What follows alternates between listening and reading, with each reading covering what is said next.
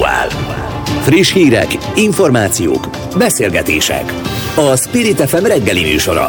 Indítsa velünk a napot, hogy képben legyen. A mikrofonnál Szőrősi Györgyi. Szép jó reggelt kívánok, november 5-e péntek van. Ezen a reggelen muszáj személyes üzenettel kezdenem, mert hogy ma Imre névnap van, tehát az én apukám és az én öcsém ma ünnepel, úgyhogy nagyon boldog névnapot nekik innen is. Persze minden Imrének hasonlókat kívánok, és azoknak is, akik ma ünneplik a születésnapjukat. Indul a mai aktuál, a szerkesztő Vogyarák Anikó nevében is köszöntöm Önöket, és már is mondom az első óra témáit. Érdemes lesz velünk egy, egyébként egészen 8, 9 óráig maradni, de nézzük az első órát. Már is kapcsoljuk Vadai Ágnest, a Demokratikus Koalíció alelnökét. Tegnap ülésezett a Honvédelmi és Rendészeti Bizottság Pegazus ügyben, meghallgatták Pintér Sándort és a TEK főigazgatóját, nem találják ki, az eredmény ugyanaz, mint a Nemzetbiztonsági Bizottság esetében 2050-ig titkosították az elhangzottakat. De valami történt, hogy mi azt nem tudjuk, de az, amire eddig senki nem válaszolt, hirtelen nyilvánosságra került, mert jött Kósa Lajos, a bizottság elnöke, és az ülés után azt mondta, hogy a BM, a belügyminisztérium vásárolta meg a Pegasus Kém szoftvert, de Vadai Ágnes az egyenes beszédben beszédben azt mondta, hogy nem a BN vette meg, Stummer János jobbikos politikus pedig azt, hogy három évet is kaphat ezért Kósa Lajos, mert minősített információt osztott meg, úgyhogy van miről beszélni. Komját Imre az MSZP elnök helyettese is itt lesz a minimálbérről beszélünk majd, megszületett ugye a megállapodás erről, kapcsoljuk majd Ungár Pétert, az LMP elnökségi tagját, aki szerint a kormány mindent elkövet a hatékony klímavédelem ellen, és kétszínű politikát folytat a kérdésben. Benyórita kolléganőmet is hívjuk majd, ő a jelen lapnak készített egy nagy interjút Márkizai Péter ellenzéki miniszterelnök jelölt el. Itt lesz Magyar György, a Civil Választási Bizottság elnöke, mert a legfrissebb hírek szerint már csak nem tízezer szavazatszámlálója lett van az ellenzéki pártoknak, és kivonul Magyarországról a Sberbank, a legtöbb embernek nyilván a reklámjuk jut eszébe, azok a dalocskák, szóval a lényeg, hogy elhagyják az országot. A háttérről, az okokról Brückner Gergely, a Telex újságírója írt egy átfogó cikket, mi őt kérdezzük majd, hogy mi is történt. Tulajdon tulajdonképpen ezek lesznek az első óra témái és vendégei, most kezdünk. Spirit FM 92.9 A nagyváros hangja 2050-ig titkosították a Honvédelmi Bizottság ülésének anyagát, amelyen a Pegazus ügy volt a téma. Vadai Ágnes a DK alelnöke az ülés után azt mondta, hogy a Nemzetbiztonsági Törvény kimondja, hogy az igazságügyi miniszter a felelős a lehallgatásokért, és csak az ő akadályoztatása esetén lehet más, így szerinte az nem lehetséges, hogy ő tartósan átadta ezt a feladatkört az államtitkárának. Ezért további vizsgálatot szorgalmaznak az ügyben. Ahogy ígértem, a vonalban itt van már Vadai Ágnes, a Demokratikus Koalíció elnöke. Jó reggelt kívánok! Jó reggelt kívánok! Hát nem kevés magyarázatra szorul ez a tegnapi nap, segítsen nekünk. Jött Kósa Lajos és elismerte, hogy a belügyminisztérium vásárolta meg ezt a Pegazust. Folyamatosan azt hallgattuk, hogy ez államtitok, Pintér Sándort még csak kérdezni is bűncselekmény erről az egészről. Volt nemzetbiztonsági ülés 2050-ig minden titkos. Erre tegnap Kósa Lajos a sajtó előtt azt mondja, hogy a belügyminisztérium vásárolta meg ezt a, a szoftvert. Mi történt tegnap? Talán Kúsala is elnök urat kellene megkérdezni, hogy mi volt a motivációja, hogy több olyan információt is nyilvánosságra hozott a tegnap ülésről, amely 2050-ig elvileg nem nyilvános. Minden esetre azt mondom, hogy egy picikét ebben az ügyben most már bejebb vagyunk, de még mindig távol vagyunk az igazságtól, hiszen azért sokkal fontosabb kérdésekre nem kaptunk választ. És nagyjából szerintem ebben az országban mindenki sejthette, hogy ez az eszköz ez rendelkezésére áll a magyar szerveknek, csak a kormány tagjai maszatoltak ebbe az ügybe nyilvánvalóan, mert valami nem egészen tiszta. Ugye nem volt beismerés, vagy nem volt bizonyíték, de most azt, azt mondja, hogy hát egyrészt kérdezzük meg Kózsa és nyilván meg, megpróbáljuk ezt megtenni, másrészt pedig ön azt mondta tegnap az egyenes beszédben, hogy nem a belügyminisztérium, nem ez hangzott el akkor ö, ö, ezt, ezt, ezt megerősíti? Tehát nem, nem a belügyminisztérium vásárolta meg ezt a kém szoftvert? bizottságülésen nem ez hangzott el, azt nem tudom megmondani, vagy nem lehet mm. megmondanom, hogy, hogy mi hangzott el pontosan, de nyilvánvalóan a bizottság elnöke vagy annyira meg volt lepődve a kérdéstől, vagy annyira fáradt volt már, vagy úgy érezte, hogy eljött az igazság pillanat, hogy elmondja, hogy, hogy elismerje, hogy van egy ilyen beszerzés. Ez minden esetre egy egy, az, hogy mi volt a motiváció, ezt még egyszer nem tudom, de legalább egy picit ezzel beljebb vagyunk. Az biztosan tudom önnek mondani, hogy Ugye a közbeszerzés aluli mentesítés kapcsolatos dokumentációkat, amelyek a belügyminisztériumba keletkeztek, csak akkor tekinthetjük meg, hogyha akkor tekinthetem meg, hogyha a Nemzetbiztonsági Bizottság erre engedélyt ad. Tehát a Nemzetbiztonsági Bizottsághoz kell fordulnom, és fogok is fordulni az engedélyért, hogy megnézhessem, hogy, hogy mi is volt ennek a beszerzésnek a, a körülménye, és lehet, hogy ebben van valahol belügyminisztérium, de hogy a bizottságülésen biztosan nem ez hangzott el, ez száz És Tumber János, a Nemzetbiztonsági Bizottság elnöke, jobbikos politikus azt mondta, hogy három évet is kaphat ezért Kósa Lajos, és egyébként most már ő is, mert hogy kiállt ő is tulajdonképpen egy, a nyilvánosság elé ezzel a közleménnyel. Tesznek-e nem tudom, feljelentést, vagy, vagy, vagy, vagy bármilyen jogi lépést Kósa Lajos ellen azért, mert minősített információt osztott meg, vagy egyáltalán nem osztott meg minősített információt, mert nem igaz, amit mond ön szerint?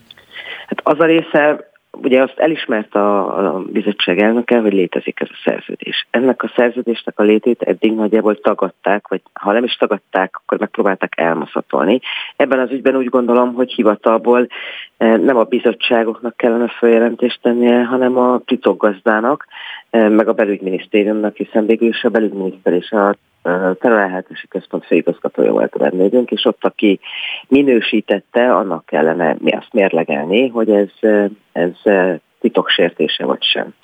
De ahogy még egyszer mondom, azért itt vannak szerintem súlyosabb kérdések, mert akik nyilvánosságra kerültek nevek, akiknek a telefonját ezzel a szoftverrel a feltételezések szerint lehallgatták, hát én inkább ott szeretnék sokkal több információt kapni, mert még ma se látom a okát, indokát annak, hogy akár Panyi Szabolcsot, akár Csikász Brigittát, egy Bánáti Jánost, vagy éppen Bodnár Zsoltot.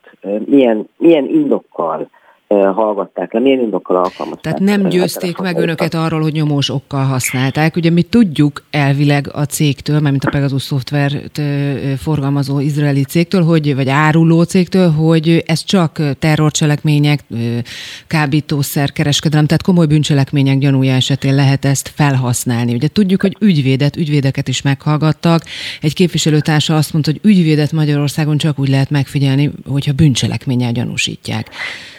Azt következő szeretném mondani, én darabra végig kérdeztem azokat a neveket, akiket mm. én e, e, olvastam, és még kérdeztem rá más nevekre is. E, ugye az alapos gyanú, az borzasztóan fontos az ilyen típusú információszerzés esetében, és nyilván a, a, egyrészt az újságírók e, lehallgatás az önmagában problém, problémát jelent, de ezen túlmenően azért a listán, a, a mi információnk szerint listán, ami megjelent a sajtóban, rajta volt ezen a listán a terrorelhárítási központ korábbi főigazgatója. Na most az már aztán tényleg, hogy mondjam, legalábbis aggodalomra ad okot, hogyha ha az ő telefonját eltették, hogy milyen, vagy milyen alapos gyanú volt, amiért egy a terrori elhárítás mondjuk második számú emberének a telefonját meg kell figyelni Pegasussal. Az egy jó hír, hogy a nyílt ülésen a miniszter úr, amikor rákérdeztem például arra, hogy, hogy milyen lépéseket tesz a, ami, ami, amiatt a gyakorlat miatt, amit az igazságügyi miniszter folytat, a külső engedélyhez kötött információ, titkos információgyűjtés esetén, mi szerint ezt tulajdonképpen leasingelte az államtitkárának, ott a miniszter, a belügyminiszter azt mondta, hogy meg fogja vizsgálni, hogy szabálysértés vagy bűncselekmény történt ebbe az ügybe, tehát vizsgálatot fog mhm. indítani, mert a Nemzetbiztonsági Törvény értelmében Varga Judit nem rúghatja le magáról ezt a feladatot, és nem kérhet meg senkit tehát ezt is most halljuk egyébként először a tegnapi bizottságülés után hónapok óta lehetett tudni, hogy Völnár pár járt el, ugye ezt Varga Judit elmondta korábban, ehhez, és nem indult semmiféle vizsgálatot még. A, bocsánat, meg kell nézni a nemzetbiztonsági törvényt, ami a, uh-huh. az igazságügyet felelős miniszter kizárólagos hatáskörévé teszi ezt.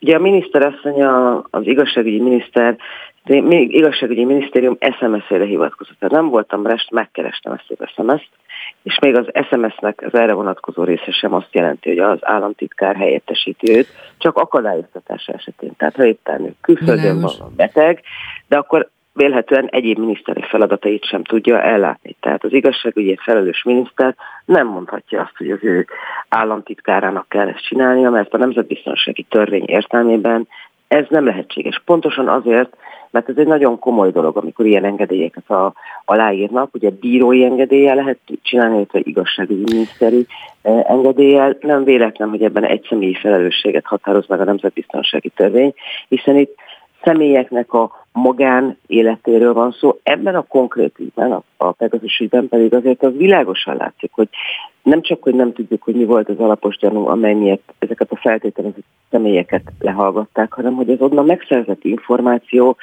hát vélhetően nem maradt Magyarországon. Utolsó dolog, lejárt az időnk. A Nemzetbiztonsági Bizottság, hogy engedélyezze önnek az iratok vagy a szerződésbe való betekintést, azt kidönti el, és ez mikor, mikor dőlhet el? Ezt az elnök, vagy meg kell szavazni a bizottságnak? Hát ugye a kormánypárti többség van, tehát csak is a kormánypárti képviselőkön fog múlni az, hogy megengedik-e számomra, vagy lehetővé teszik-e számomra, hogy én hozzáférjek ezekhez az információkhoz. Hát bízom abban, hogy pont olyan bölcsek lesznek, mint Kósa Lajos, aki tegnap világosá tette, hogy létezik ez a szerződés. Vadai Ágnes, köszönöm, hogy a rendelkezésünkre állt. Én is köszönöm, további szép napot. Spirit FM, ahol mindenki szóhoz jut. Elfogadhatatlan az iparűzési adó felezése az MSZP szerint. Komját Imre azt mondja, így az önkormányzatok kárára akarja a kormány a minimálbér összegét emelni, hiszen az iparűzési adó az egyetlen megmaradt forrásuk. Ez szerinte lehetetlen helyzetet hoz létre és pusztán bosszú politika. Komjáti Imre szerint Orbán Viktor felelőssége lesz, ha akadozik a tömegközlekedés, a szemétszállítás, vagy nem lesznek önkormányzati felújítások. A vonalban itt van Komját Imre, az MSZP elnök helyettese. Jó reggelt kívánok! Jó reggelt kívánok a hallgatóknak is! Ugye 200 ezer forint lesz a minimálbér. Az MSZP egyébként ennél többet szeretne adómentes minimálbért, és kezdjük ezzel, mert amikor ezt mondták, még nem volt 200 ezer forint. Most ezzel az összeggel elégedettek? Akár örömteli hír is lehetne, hogyha valóban nem az önkormányzatok vagy, vagy bárki más kárára történne ez az emelés. Egyébként azt szeretném megjegyezni, hogy a mi javaslatunkkal 135 ezer forint lenne a nettója a minimálbérnek, ezzel a 200 ezer forinttal 133 ezer forint. Tudom, hogy nem nagy a különbség, de itt elsősorban azon van a hangsúly, az MSZP javaslatával gyakorlatilag úgy lehetett volna minimálbért emelni, hogy ez a vállalkozásoknak semmiben nem került volna. Hogyan? Ezt, Hogyan? Mert ugye most ön azt mondja, hogy nem kellene ehhez megsarcolni az önkormányzatokat. Ugye most úgy lesz 200 ezer forint a minimálbér, és a munkaadók elég nehezen fogadták el, hogy csökken a szocó és a kiva, illetve a, a HIPA, a helyi iparüzési adott továbbra sem kell a teljes összeget befizetniük a cégeknek. Tehát ez a pénz kiesik az önkormányzatoktól jövőre, de nem volt ez a megállapodás sem egyszerű. Nem, úgy általában a minimálbér megállapodások nem egyszerűk, minden évben hosszas húzavona előzte meg, és sajnos általában olyan megállapodás történt, kevés kivétellel, amikor ez egy valós, jól megfogható, jól látható emelés is volt. Például ugye az idei évi emelés, az a 3,6 százalék, az gyakorlatilag pillanatok alatt elinflálódott, már akkor is elmondtuk, hogy, hogy ez rendkívül kevés. Hogy visszatérve, hogy az MSZP javaslata úgy nem került volna semmibe a vállalkozásoknak, hogy gyakorlatilag ugye mi SZIA mentesítettük volna a, a minimálbért, de nem csak a minimálbért, hanem mi azt gondoltuk, hogy 321 ezer forintos bruttó medián bérig egy adójóváírás formájában tettük volna ezt a, azt az adómentességet, ami azt jelentette volna, hogy még a garantált bérminimumnál is ami 145 ezer forint jelen pillanatban, egy 17 ezer forinttal havonta több jutott volna az emberek zsebébe. Minimálbéresek esetében pedig 300 ezer forinttal évente. Hát, ezt gyakorlatilag a fideszes képviselők röhögve se törték le az asztalról a gazdasági bizottság ülésén. Hogyha 22-ben kormányváltás lesz, akkor az önkormányzatokhoz, a cégeknek be kell majd fizetniük az iparizési adót? Minden bizonyal be kell fizetni, illetve azt mondom, hogy fog készülni a közös kormányprogram. Márkizáj Péter vezetésével fognak szakértői csoportok felállni, akik az, az adózást is meg fogják vizsgálni majd, és benne lesz a kormányprogramba, a közös programba, ami már nem csak hat párt, hanem egy kiszélesített, hogy milyen adórendszert képzelünk el. Jelen pillanatban az MSP azon van, hogy minél többet visszajutassunk az önkormányzatoknak, mert, mert nem csak azért, mert ki vannak véreztetve, hanem egyébként is nagyon sok olyan szolgáltatást, olyan feladatot látnak el, amihez pénz kell, nincs, nincs mese.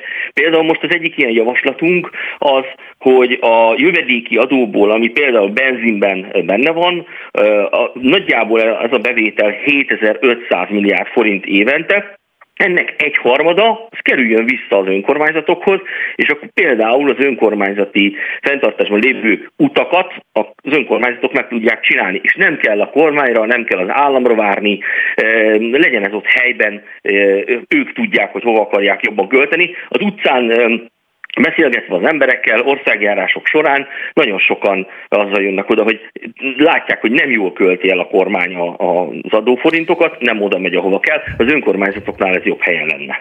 Hogyha én nem tudom, hogy a közös program kidolgozásában ő részt vesz egyébként az MSZP részéről? Székesfehérváron eh, találkoztunk Várkizály Péterrel, most egy kétnapos konferenciánk volt, ahol ott voltak az egyéni eh, előválasztási győzteseink is. Ott Márkizály Péter eh, gyakorlatilag felkért arra, hogy a szakszervezetekkel kapcsolat, való kapcsolattartást azt vegyem kézbe, és legyek egy híd közte és a szakszervezetek között. Így minden bizonyal befolyással leszek azokra a folyamatokra, amely a munkavilágát érinti majd a közös programalkotásban. Világos, és milyen tud egy-két konkrét javaslatot mondani, amit javasolni fog Márkizai Péternek, vagy a közös programba? De a szakszervezetekkel kapcsolatban mindenképpen nagyon fontos kihangsúlyozni, hogy vissza kell állítani azt a fajta társadalmi érdekegyeztetést, ami előtte volt a, például az érdekegyeztető tanácsban, amikor a munkáltatók, a kormány és a szakszervezetek egy asztalhoz ülnek, és ott valódi érdekegyeztetés folyik, nem pedig olyan, mint most ezeken a VKF üléseken, gyakorlatilag egy ilyen ítélet kihirdetés, illetve hát azokat a szakszerzeti jogokat, amelyeket a kormány, a Fidesz itt 12 év alatt elvett, azokat vissza kell adni, erősíteni kell őket, de azt gondolom, hogy kemény vitákat várok egyébként a tekintetben is, hogy például az adómentes minimálbér tekintetében, hogy adómentességet azt bevállalja-e majd a közös program, vagy egy kisebb adókulcs lesz ebben a tekintetben, de mindenképpen látni kell, hogy De itt ezt, azért jelentős béremelésre van szükség. Tehát a, a választ tudjuk erre, hiszen Márkizai Péter azt mondta, hogy nem lesz, nem fog sem adót csökkenteni, tehát nem lesz kisebb kulcs, sem nagyobb. Azért tárgyalóasztalhoz fogunk ülni, és lesz egy tárgyalási folyamat. Úgy gondolom, hogy a, hogy a politika a kompromisszumok művészete, mindenkinek majd meg kell hozni a maga kompromisszumait, de mi, MSP, ez biztos, hogy a, a baloldali programunkat, a kormányváltás, korszakváltás programunkat, azt azért erőteljesen mm, képviselni fogjuk, és azon leszünk, hogy a közös programba minél több benne legyen majd ebben. Komját Imre, köszönöm, hogy a rendelkezésünkre állt. Viszont hallásra! Én is köszönöm, viszont hallásra! Spirit FM 92.9 A nagyváros hangja Két színű a magyar kormány hozzáállása a klímapolitikához Ungár Péter szerint. Az LNP országgyűlési képviselője a klímacsúcs kapcsán azt mondta, ha ez nem így lenne, akkor Orbán Viktor is részt venne a találkozón. A távolmaradása szerinte azt üzeni, hogy a magyar kormány akadályozni és nem segíteni akarja a klímaváltozás elleni küzdelmet. Telefonon kapcsoljuk a képviselőt. Így van, Ungár Péter az LMP elnökségi tagja itt van már a vonalban, és a Nemzetbiztonsági Bizottság tagja is. Jó reggelt kívánok! Jó reggelt kívánok! Hát azért mondtam el, hogy a Nemzetbiztonsági Bizottság tagja is, mert klímáról beszélünk mindjárt, és klímacsúcsról, de hát muszáj a Pegazus is beszélnünk, bár nem ez a témánk, de az élet felülírta ezt. Mit szól Kósa Lajos tegnapi nem tudom, beismeréséhez, vagy minek nevezzem? Hát Adai Ágnes azt mondta, hogy tulajdonképpen nem a BM. Tegnap igen? Tegnapi nap én mondtam volna ilyeneket, vagy valamelyik ellenzéki kollégám, akkor ma már az jelent volna meg a magyar nemzetben, hogy államtitok sértés miatt az ügyészség elindította az eljárást. De ahhoz mit szól, amit, mert ugye ez tovább görgött ez az ügy, mert Vadai Ágnes azt mondja, hogy nem ez hangzott el? Ö, tehát, hogy először is, hogy mondjam, és ezzel szerintem nem dicsérem Vadai Ágnest, mert elég alulról kezdem a szintet, de Kósa Lajoshoz képest kompetensebbnek tartom ebbe, tehát én egyértelműen neki hiszem el. de mondom, ez még azért nem volt egy jelentős De ön hiszi, vagy tudja? Ön a Nemzetbiztonsági Bizottság tagja. Ott, Igen, ott mi hangzott el? Hát, attól, attól még, mert Kósa és össze-vissza beszél, attól még én nem gondolom, hogy nekem ilyen érzékeny ügyekben államtitkot kéne sértenem, tehát én nem fogok ebben ilyen nagyon erősen fogalmazni. És Tumer János, a bizottság elnöke akkor bátrabb volt, mint ön, mert tegnap ő azt mondta, hogy, hogy három évet kaphat Kósa Lajos, mert hogy minősített adatokat árult el, és hát most tulajdonképpen ő is kaphat ezért, de hát vállalja, hogy akkor most kit visznek előtt, vagy Kósát, vagy mindkettőjüket? Igen, hát Stummer János kolléga is nagyon bátor. Én a következőt mondom erről az egészről. Igazából ennek az ügynek nem az a lényege, ismételten, hogy ez a szoftver meg volt-e rendelve, vagy kirendelte meg, vagy kikötött szerződést róla, vagy nem. Nem ez volt az ügy, amit az újságírók előhoztak. Ezt a szoftvert, meg hasonló szoftvereket minden ország szinte használ az Európai Unióba. Azt hiszem 14 eu tagállam használta ezt a Pegasus szoftvert. A kérdés az, hogy ez a technika, ez a politikai alapon volt-e használva, vagy nem? Ez a kérdés valójában. Ön erre kapott választ a Nemzetbiztonsági Bizottság ülésén? Azt tudom, hogy nem mondhatja el, hogy igen vagy nem, de kapott de erre választ? Nem. Nem kapott. Jó, akkor menjünk az eredeti témánkra. Ugye azt mondta, hogy Orbán Viktor távolmaradása a klímacsúcsról azt üzeni, hogy a magyar kormány megakadályozni, és nem segíteni akarja a klímaváltozás elleni küzdelmet. Miért akarná megakadályozni? Azért, mert azok a gazdasági érdekcsoportok, amit főleg a német nagytőke és a német ipari, amit az ipari tőke jelent, azok nem érdekeltek abba, hogy különböző erős klímaszabályok legyenek, és ezért a magyar kormány lobbizik az érdekükbe. De ez nem egy nagyon erős elemzői megfejtés, mert ezt Szijjártó Péter évekkel ezelőtt, azt hiszem két évvel ezelőtt el is mondta, hogy a magyar Magyarországnak a német autóipar érdeke mindig fontosabb lesz, mint a klímavédelmi szabályok. Uh-huh. Ha ön azt mondja, ugye, hogy a kormány megakadályozza inkább a klímaváltozás elleni küzdelmet, de közben Áder János azt állítja, hogy ő ezen a csúcson hangzatos jelszavakkal, meg, meg, meg ilyen, ilyen hangzatos mondatokkal találkozott, konkrét ígéretekkel viszont nem. Ő viszont tudott konkrét ígéreteket tenni, és valami olyasmit mondott, hogy nekünk nincs szégyenkezni valónk, már mint Magyarországnak. A amivel Áder János kritizálja magát a csúcsot, az igaz. Tehát tényleg leginkább csak hangzatos ígéretek hangzottak eddig el. De egy, Áder János az államfő, nem a kormányfő. Tehát neki konkrétan ö, energiapolitikai szabályoknak a megváltoztatására, különböző az erdősítés mértékére, ilyesmire nincs beleszólása. Én értem, hogy ő csinál podcastokat, ami nagyon zöld, de hogy valójában neki nincs erre az egészre ráhatása. Tehát nem értem, miért ő ment. Ez az egyik. A másik, hogy ez nagyon jó, hogy Áder János ezt mondta, tényleg mosolyog a lelkem, de közben a Orbán Viktor körülbelül, hát szerintem tíz napja mondta legutoljára, hogy mivel energiaárválság van, ezért a Fit for 55-at Európai Uniónak a karbonsemlegességre törekvő szabályrendszerét fel kell lazítani. Tehát itt azért, ugye volt ez a régi Orbán Viktori mondat, hogy nem azt kell nézni, amit mond, hanem amit csinál. Hát minden egyes alkalommal ellene szavaztat. Minden egyes alkalommal a szigorú szabályok ellen szavaz.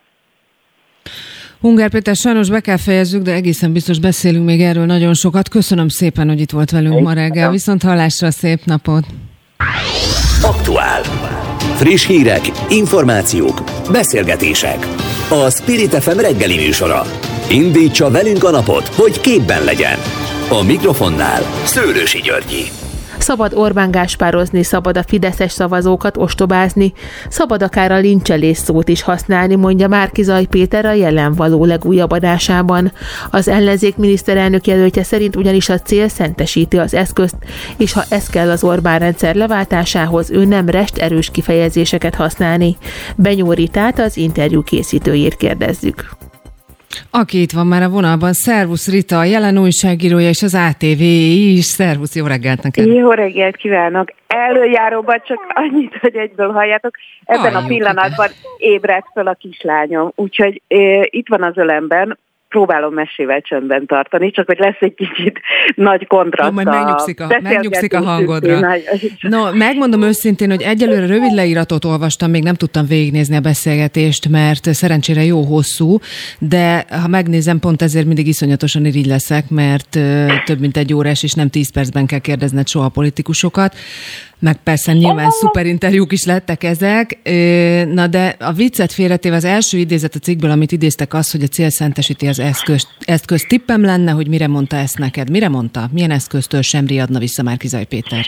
Hát ezt alapvetően azért a kommunikációs eszközökre értette. Elmondott egy példát, hogy áprilisig ő maga kezelte a Facebook oldalát csak és kizárólag, és írt egy bejegyzést még ő maga, ami arról szólt, hogy ha a békemenet tagjai végigmennének az Andrási úton, akkor mire elérnének a Kossuth térre, addigra, és tele lenne plakátolva a város, addigra ők maguk látnák be, hogy csak Orbán Viktor hozott be migránsokat, és ahogy már Zai Péter fogalmazott ebben a posztban, meglincselnék. Ebből akkor is nagy botrány lett, és ő azt mondta, hogy előtte ő neki többen mondták, tanácsolták, hogy ezt a szót ezt vegye ki, mert hogy durva, és hogy ő szándékosan hagyta benne.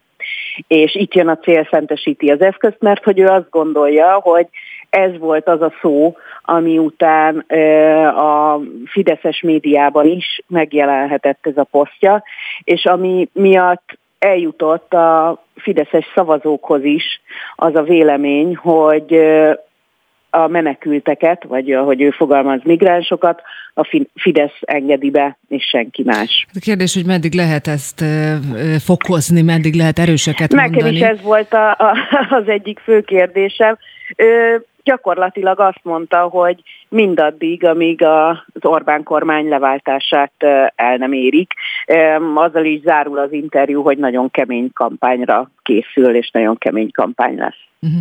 Na, tiszták és nem tiszták. Ugye ő egyre többször beszél erről, azt mondja, hogy a tiszták koalíciója az övék, és a mostani ellenzékben vannak még nem tiszták. Uh-huh. Nem tudom, hogy beszéltél erről vele, vagy mit mondott. Kik a nem tiszták? Mondott neveket például? Persze régebben mondott Tóth Csabát, de az egy név volt mondjuk.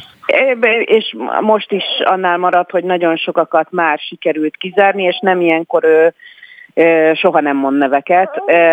Ilyenkor arra hagyatkozik az ember, amit korábban szerintem sokak megírtak, elmondtak, és ő is körülbelül erre hagyatkozik. Ugye neki általában a kommunikációja azért arra épül, hogy amit akár újságíró berkeken belül, akár így a, a, a politikával foglalkozó berkeken belül hallunk plegykákat, amit sose mondanánk be a tévébe, meg sose írnánk le, mert mert nem tudjuk két független forrással alátámasztani, úgyhogy ők egy bíróság előtt is vállalnák, na ő azokat bemondja. Igen. És körülbelül ezek a, tehát, hogy ezek a megjegyzések is, amikor azt mondja, és most is azt mondja, hogy igen, vannak az árulók az ellenzéken belül, ezt mondja az interjúban is, vannak olyan emberek az ellenzéken belül, akik nem érdekeltek, és nem fontos nekik a kormányváltás. De akkor neveket nem mondott most nem, neked. Nem, nem, Na, nem. a kampánytémákat egy kicsit nézzük meg, mert biztos, hogy beszéltetek erről. Én látok egy ellentmondást nál, az egyik a rezsicsökkentés. Ugye rezsicsökkentés, uh-huh. megvédése, rezsiharc, ez nyilvánvalóan a Fidesznek egy nagyon komoly kampánytémája lesz, persze Gyurcsány Ferenc és a migráns ügyek mellett.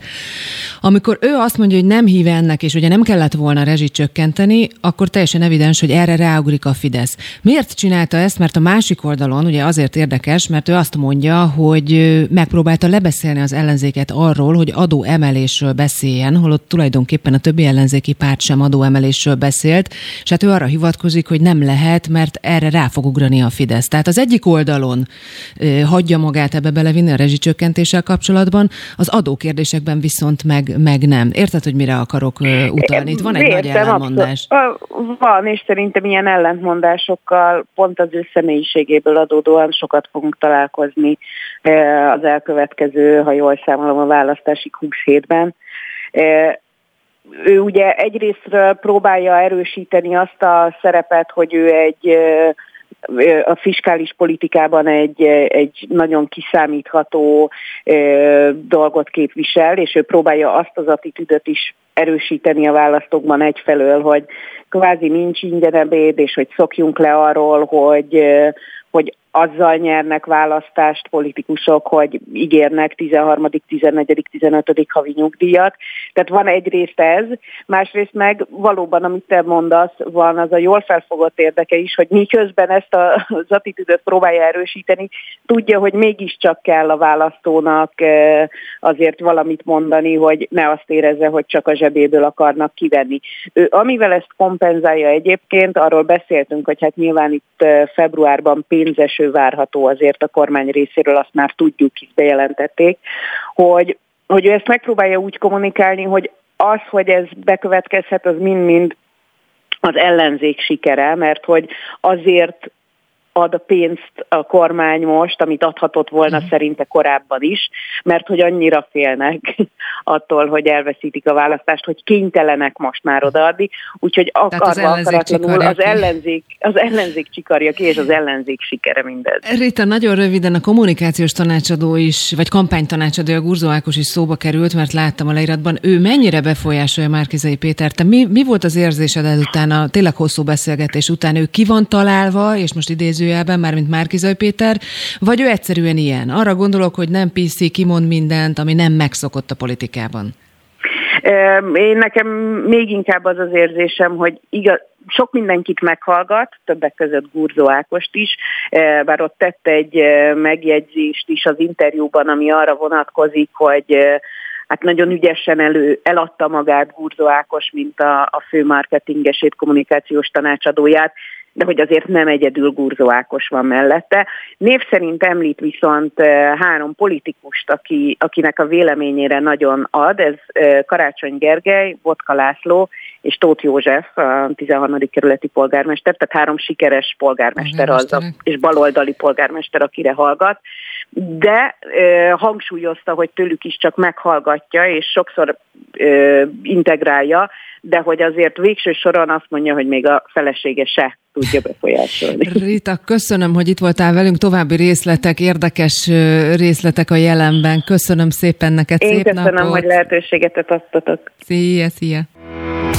Spirit FM 92.9 A nagyváros hangja. Eddig csak nem tízezren jelentkeztek szavazatszámlálónak a 2022-es országgyűlési választásokra, írja a 24.hu. A kezdeményezés célja, hogy minden választókörben két számlálót delegáljanak.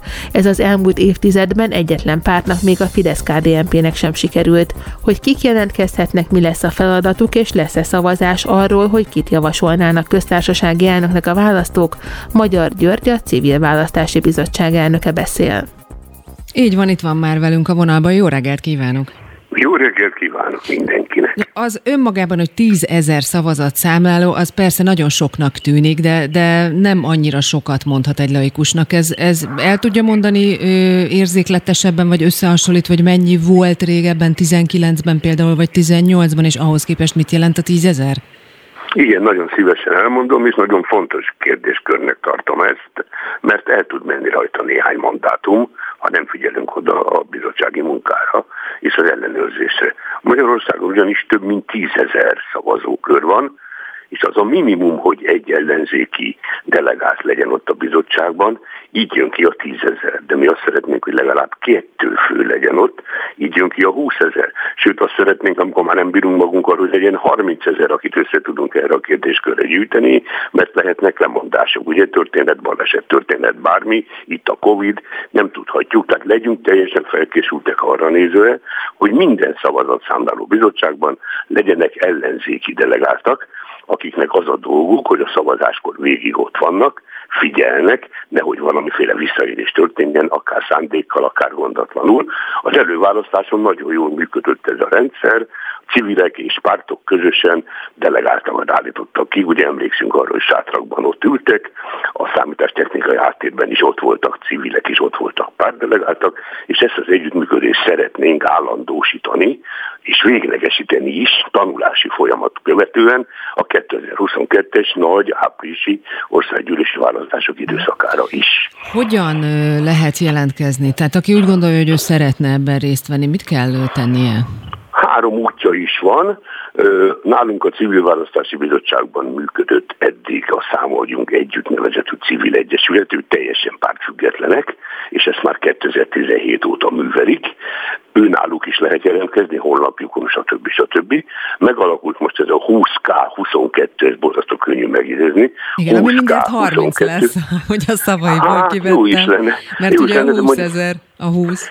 Igen, és 22-re, ugye, tehát azt üzeni, hogy legyünk 20 ezeren 22-re, ott is megvan ez a lehetőség. Ezt a szerveződést a pártok kezdeményezték, és a hat ellenzéki párt tevékenységéből fakad, hogy pártdelegáltak és aktivisták szintén részt vesznek ebből, és már most látszik, hogy nagy az érdeklődés, nagy a kedv, és örülök, mert az előválasztás hozta meg ezt a bizonyos aktivitást. Nem csak a választók jelentek meg, ugye emlékszünk rá igen nagy számban az előválasztás kettő forduló fordulójában, hanem az aktivisták is aktivizálták magukat, hogy így mondjam, és ezáltal az ellenzéknek van egy kis bázisa, amire tudunk építeni magyarul, ne forduljon elő az, ami 2018-ban, hogy még a kormánypárt sem tudott minden egyes delegáti helyre delegáltat küldeni, most mi mindenféleképpen a saját oldalunkról erre fel akarunk készülni. Azt mondja el, mert, mert lehet, hogy nagyon sokan tudják, de lehet, hogy nem mindenki, hogy miért fontos az, hogy ott legyen minden szavazókörben a pártok delegátja. Nyilván kormánypártok és az ellenzék is, mindenki. Tehát hogy néz ki egy ilyen bizottság a választások napján? Valóban, aki indul a választáson, tehát aki jelölő szervezetté válik, annak jó módja és lehetősége van delegálni ebbe a bizonyos bizottságba, éppen azért, hogy kialakuljon a paritásos rendszer és az úgynevezett kontrollfelület. Ezen túlmenően vannak úgynevezett központilag oda küldött szavazóbiztosok és szavazóbiztos elnökök, akik a felületet biztosítják, és az administratív hátteret elővezetik. Tehát itt tudja, amikor nagy választás van, nem előválasztás, akkor létezik úgynevezett választói névjegyzék. Ezt a választói névjegyzéket előre elkészítik, és amikor bemegy valaki szavazni, választani, igazolja önmagát. És akkor a névjegyzéken jegyzik, hogy ő megjelent a választáson, megkapja a szavazólapot, a hivatalosan lepecsételik, és akkor elmehet, bebújik a kis urnájába, és leadja a szavazatát, akár listára, akár egyénire. A bizottsági tagoknak pedig az a dolguk, egészen addig, ameddig zajlik ez a bizonyos szavazási időszak, mondjuk este 7 óráig, ugye mert egy napig szoktunk szavazni, akkor 7 óra után zárnak ezek a bizonyos helységek, megint ott vannak mindahányan, és hivatalos jegyzőkönyvek mentén kinyitják a szavazó urnákat. A kinyitott szavazó urnákat pedig azért hasznosítják, hogy a benne lévő szavazatokat összeszámlálják. Tehát a szavazott biztosnak kettős funkciója van. Egyrészt végig, amíg a szavazás zajlik, ott van figyel a tisztességre és a törvényességre, utána pedig számlál. Uh-huh. És a számlálás eredményét szintén jegyzőkönyvezik, és itt nagyon fontos, hogy ne legyen elfogultság, ne legyen összeférhetetlenség, minden jelölt egyelő feltétellel induljon, és a szavazatszámlálás is korrekt és jogszerű legyen. Ez a feladatuk. Ö, utolsó kérdésem, és teljesen más. Ön jelentette azt be, hogy szeretné, ha lenne egy köztársasági elnök előválasztás is. Az ellenzéki pártok viszont, ahogy fogalmazott, hezitálnak, a Jobbik frakció vezető helyettese sem látja értelmét. Márkizai Péter is negatívabban nyilatkozott erről. Ön viszont azt mondja, hogy akkor is meg kellene tartani, ha a pártok nem támogatják. De akkor mi értelme van? Megbizony, három értelme van a sok mellett. Legfontosabb, ez nem előválasztás csak úgy tűnik, és az előválasztás hozta ennek meg a kedvét, és az előbb már beszéltünk ellenzéki aktivitásról, legitimálásról és tematizálásról. Ugyanez a feladat van az államfő választásnál. Mi nem akarunk államfőt a parlament helyett beküldeni, de azt viszont szeretnénk, ha lenne egy alternatív köztársasági elnök, ezért a mi bizottságunk, amely megalakult erre a célra, kifejezetten a jelölés céljáról jön létre, és azt szeretné, hogy a választópolgár ugyanúgy, ahogy az előválasztáson, szavát hallhathassa, és megjelölhesse akár önmagát, akár civil szerveződések, akár jelölszervezetek, hogy kit tartanának alkalmasnak és mi az a feladatkör, amit érdemes vele elláttatni egy olyan személy, akit nem a 133 jelenlegi kormánypárti képviselő választ meg a parlamentben, hanem mi felmutatunk egy olyan szemét, aki az alkotmány megfogalmazása szerint a nemzet egységét testesíti meg. Már most is nagyon sokan jelentkeztek, és én azt gondolom, hogy pártok ide, pártok oda, ezt az alternatívát nekünk fel kell tudni mutatni. Lejárt az időnk, egy hónapot tud mondani, hogy mikor lesz ez a választás? Tudok mondani, Szeretnénk decemberben a jelölési szakaszt befejezni, már most nagyon sok jelölés érkezett, ezt rendszerűsítjük és rendszerezzük, és február 24-én jégtörő Mátyás napján szimbolikusan szeretnénk megnevezni ezt a szemét, aki vállalta, és a legtöbb szavazatot kapta egy online, nagyon fontos, egy online és ö, egyértelműen kiválasztható személyiség megjelölésével. Van-e már olyan neve, aki vállalta esetleg? December már nincs messze. Sok van. Sok van, csak nem dobálok neveket két okból, nem akarom befolyásolni a többieket, és nem akarom őt a helyzetbe hozni, hogy előre elkezdik őt rángatni. Legyen ez meg végig lejátszva, az online szavazás preferenciális lesz, ami azt jelenti, hogy egy választópolgár online formációban megjelölheti a számára a legkedvezőbbet, mondjuk egy hölgyet, mondtam, így mondom, utána megjelölheti a második legkedvezőbbet, és akkor aki a legtöbb pontot szerzi ezzel a szavazási rendszerrel, ő lesz a mi úgynevezett civil államfőjelöltünk, civil államfőjelölt. Nem veszük át senkinek a funkcióját a pártoktól, nem kérünk semmi pénzt, nem kérünk anyagi természetben és emberi hozzájárulást. Mi civilek ezt meg tudjuk szervezni, és meg is fogjuk tenni, Magyar... mert szükség van arra, hogy felmutassuk. Magyar Györgynek köszönöm, hogy a rendelkezésünkre átbeszélünk még erről. Viszont hallásra szép napot! Minden jót kívánok, csókolom! Üzleti szektor. A Spirit FM reggeli műsorának gazdasági percei. Üzleti információk, ingatlanpiaci adatok, pályázati lehetőségek, gazdasági hírek. Minden, ami anyagilag fontos lehet. Kivonul az orosz Sberbank Magyarországról, számos régiós lánybank járt köztük a magyar érdekeltségét. Egy ciprusi szerb-szlovén konzorcium vásárolja meg, amely mögött Mildred Kostics szerb milliárdos áll. Mi lesz azokkal, akik ott vezettek számlát? Brückner Gergely újságírótól kérdezzük, aki a Telexen írt elemző cikket a bankról. És aki már itt van velünk, jó reggelt, szervusz! Jó reggelt, szervusz! Azt írtad, hogy kivonul a Sperbank, hát nem hagyott mély nyomot, de hogy nem, nincs igazad. Nem éneklem most el azt a rémes reklám szlogent, amitől a hallgatók kb. azonnal elkapcsolnának. Nem hagyott mély nyomokat a viccet félretéve, miért nem? Igen, érdekes módon a reklámjait ismerik a banknak. Azt hogy megjegyezte Igen, igen, tévérek. Tehát egy komoly lakossági bankról van szó. Én valahogyan úgy fogalmaztam, hogy nem tudta eldönteni igazán ez a bank, hogy valamire specializálódjon. Elhangzott korábban az, hogy hogy egy digitális bank lesz, tehát valahogyan ilyen elektronikus vonalon beelőzze a többieket. Ugye az orosz tulajdonosból adódott az, hogy esetleg a amúgy jelentős orosz-magyar üzleti forgalmat gondoljunk itt az energetikára, gázszállításokra, atomerőmű, tehát hogy valami ilyesmihez kellene egy erősebb bankkapcsolat. De az az igazság, hogy ahogy a kivonulás, ugye a bevonulás is egy, egy úgynevezett csomagdíl keretében történt, tehát akkor a osztrák Volksbank vonult ki a több országból ezt vette meg a Sberbank, most ugye a Sberbank több országot elhagy, tehát valamennyire erős magyarországi fókusz nem lehetett végül tapasztalni. Ott volt az első Riva után mindig olyan 9.-10. legnagyobb magyar bankként, de a bank az egy nagyon úgynevezett volumenjáték, tehát akkor lehet nyereségesen működtetni egy bankot, hogyha jó sok ügyfél van, el kellett döntenie a Sberbanknak, hogy vagy kivonul, vagy megpróbál jelentősen előre lépni, akár úgy, hogy megvesz egy másik bankot, akár úgy, hogy nagyon intenzíven megpróbál betörni a magyar piacra, és én ezt nem éreztem az elmúlt tíz évben, hogy sikerült volna, hát végül a kivonulás mellett döntöttek. A gyakorlati oldalát nézzük meg egy kicsit, hogy ilyenkor, ha elmegy egy bank, akkor mi történik az ügyféllel?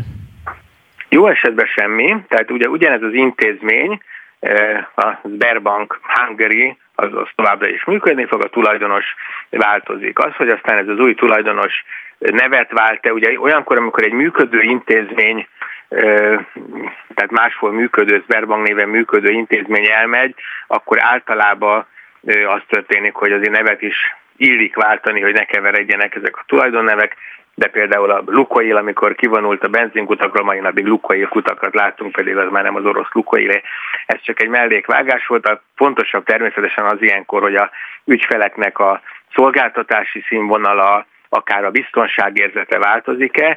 Én azt gondolom, hogy ilyen veszély nincsen. Természetesen mindenkinek érdemes tájékozódnia, nem akarok senkit úgy megnyugtatni, hogy aztán ez számon kérhető legyen, de pusztán azzal, hogy a tulajdonosa változik egy amúgy megfelelő helyzetbe levő banknak, abból nem következik az, hogy bárkinek menekülnie kéne. Hát ha talán emlékszünk a Budakes körüli bankokra, illetve a Széchenyi kereskedelmi bankra, tehát Magyarországon is volt már bankkal is probléma, de szerencsére ilyen méretűvel, mint az Sberbank, hát az elmúlt két évtizedben nem volt lényeges probléma. Tehát akinek számlája van, hitele van, nem kell tegyen tulajdonképpen semmit, vagy azért egy telefont ez megér, vagy kapnak egy levelet, hogy majd egy év múlva mástól kapnak majd levelet más néven, vagy hogy nézhet ez ki?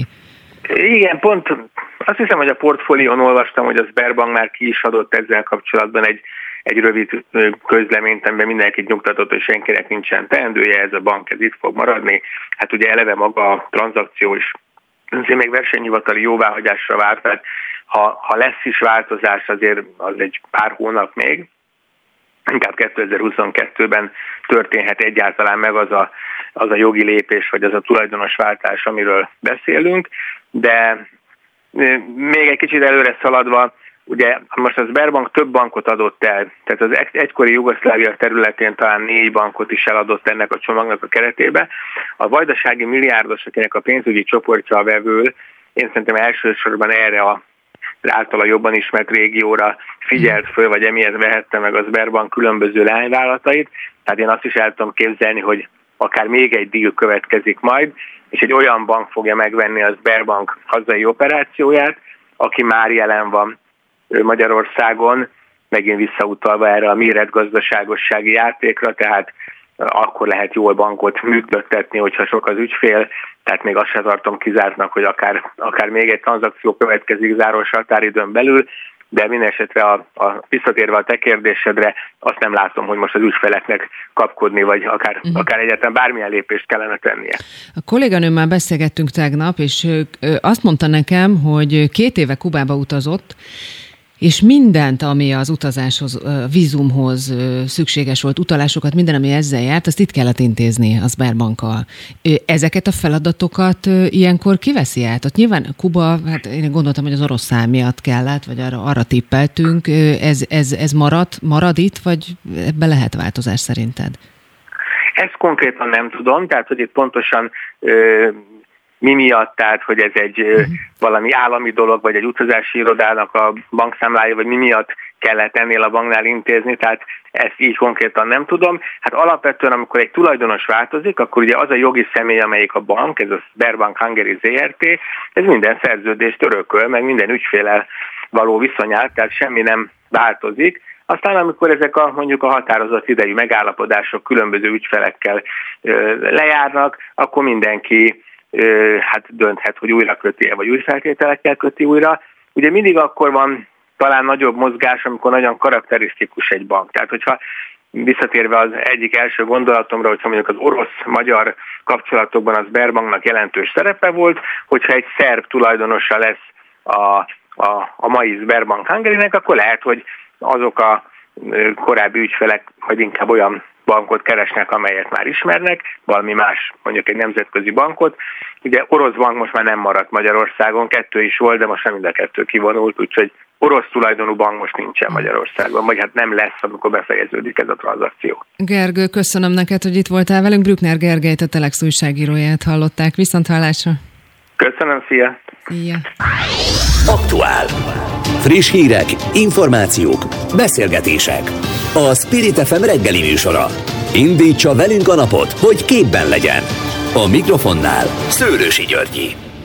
Jó reggelt kívánok a most csatlakozóknak, ez itt az aktuál, elrepült az első óra, de a most csatlakozókra is vár még sok izgalmas és nagyon fontos téma. Már is kapcsoljuk kolléganőmet Csuha Ildikót, az ATV főmunkatársát, mert ha péntek, akkor Orbán Viktor beszél a közrádióban. Megkérdezzük, hogy mit mondott a miniszterelnök. Én annyit már látok, hogy az, úgy fogalmazott, hogy életveszélyben vannak az oltatlanok. Erről beszélt, meg arról is, hogy minden állami alkalmazottnak előbb-utóbb kötelező lesz az oltás. Kapcsoljuk majd Nagy Erzsébetet, a PDS, a Pedagógusok Demokratikus Szakszervezetének országos választmányának tagját, akivel beszélünk a kötelező oltásról, járványhelyzetről is az iskolákban, ugye a héten egyeztetett a szakszervezet a kormányjal. Törvényt sértett a közmédia a Magyar Újságírók Országos Szövetsége szerint, amikor tényként közölt egy filmben elhangzott mondatot. Ugye a Gyurcsány filmről van szó, Kocsi Ilonával, a MOSZ elnökével beszélgetünk erről, és a Friderikus botrányról is kérdezem majd. Eltűnnek a lovak az öt tusából, véget ér egy korszak a sportág életében, a Párizsi olimpiáig még marad a lovaglás, de 23-tól a fiatalok versenyeit már enélkül kell megrendezni. Cink György öt edzőt kérdezzük majd mindenről, és egy borzasztóan fontos dologról is beszélünk, beszélünk még ma, ez pedig a fiatalok alkoholfogyasztása, ami elég elkeserítő képet mutat. Most viszont indulunk és kezdjük a másik, második órát. Spirit FM 92.9 A nagyváros hangja. És ahogy mondtam, itt van már velünk Csuha Ildikó, az ATV főmunkatársa. Szervusz Ildikó! Szervusz Györgyi, jó reggelt kívánok mindenkinek! No hát szerintem kezdjük a járványkezeléssel. Most én egy pár leíratot és hírt látok, talán ez volt az egyik legfontosabb téma. Ugye borzalmasak voltak a tegnapi számok, romlik a járványhelyzet, azt mondja a miniszterelnök, hogy minden oltatlan életveszélyben van. Mit mondott még? Így van, oltás, oltás, oltás, hiszen ugye a tegnapi napon több mint 6000 volt a új friss fertőzött, ez nagyon magas szám volt. A megkérdezte a műsorvezető, szükség van-e újabb szigorító intézkedések, korlátozásokra. A miniszterelnök azt válaszolta, hogy semmi más nem véd meg kizárólag az oltás. A szavaiból az derült ki, hogy nem tervez a kormány szigorítást vagy újabb korlátozást.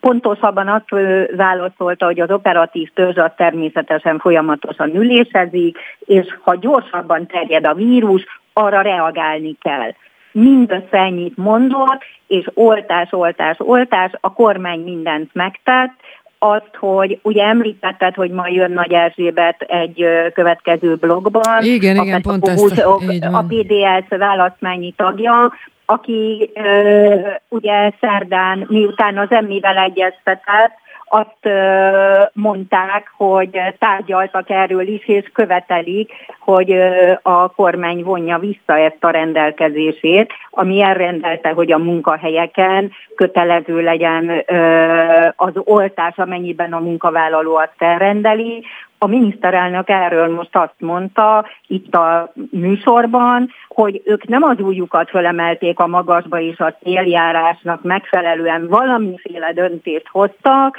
hanem egyrészt a felmérésekből az derült ki, hogy az embereknek ez nincs ellenére, másrészt azzal indokolta ezt a döntésüket, hogy az ország különböző pontjain különböző erőségű a vírusnak a terjedése, és ezért bízák a munkahelyi közösségekre és a munkáltatókra annak eldöntését, hogy elrendelik-e a kötelező oltást. Tehát szó sincs arról, hogy a kormány ezt visszavonná, megfontolná, Mert hogy volt erről szó, ugye? A szakszervezet azt mondta, de hát majd mindjárt beszélünk a PDS választmányi tagjával, hogy, hogy visszavonják ezt jövő szerdáig, vagy változtat ezen a kormány ehhez képest, ha én olvasom, most azt mondta Orbán Viktor, hogy előbb-utóbb minden mindenki, minden állami alkalmazott számára kötelező lesz az oltás. Ezt ugye eleve a múlt heti kormányinfon volt egy ilyen distinkció, hogy az állami szektorban dolgozóknál gyakorlatilag kötelező lesz, és az egyéb munkahelyeken, cégeknél döntheti el a munkáltató, hogy ő a belátása szerint kötelezővé teszi-e vagy sem.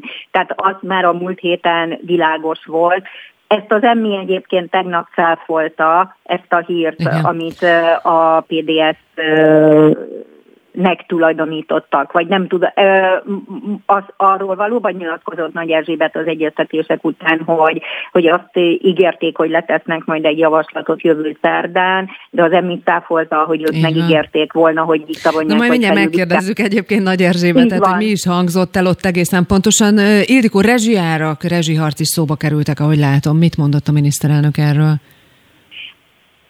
Ez nem volt meglepetés, amit mondott, ez a szokásos retorika volt, a kijelentései azt támasztották alá, úgy fogalmazott, bolondság, egyenesen bolondságnak nevezte a brüsszeli klímastratégiát, mert hogy ezzel nem a nagy szennyezőkre hárítanák elsősorban a klímavédelmi költségeket, hanem a, az ő szavai szerint. A végén a lakosságra, mert hogy az emberek házait, autóit is megadóztatná, és ő itt elmondta, hogy harcol, és különbséget tett, hogy a nyugat-európai gazdagok szeretnék, vagy ők elviselik azt, ha, ha megadóztatják a házaikat, az autókat, de itt közép-kelet-európa ellenáll és harcol, és mindent megtesz azért, hogy jobb belátásra bírja az Európai Bizottságot, illetve Brüsszelt. Hát nem tudom, ha tippelnem kéne, akkor a bevándorlás téma volt. Jól tippeltem, vagy nem Így volt téma? van.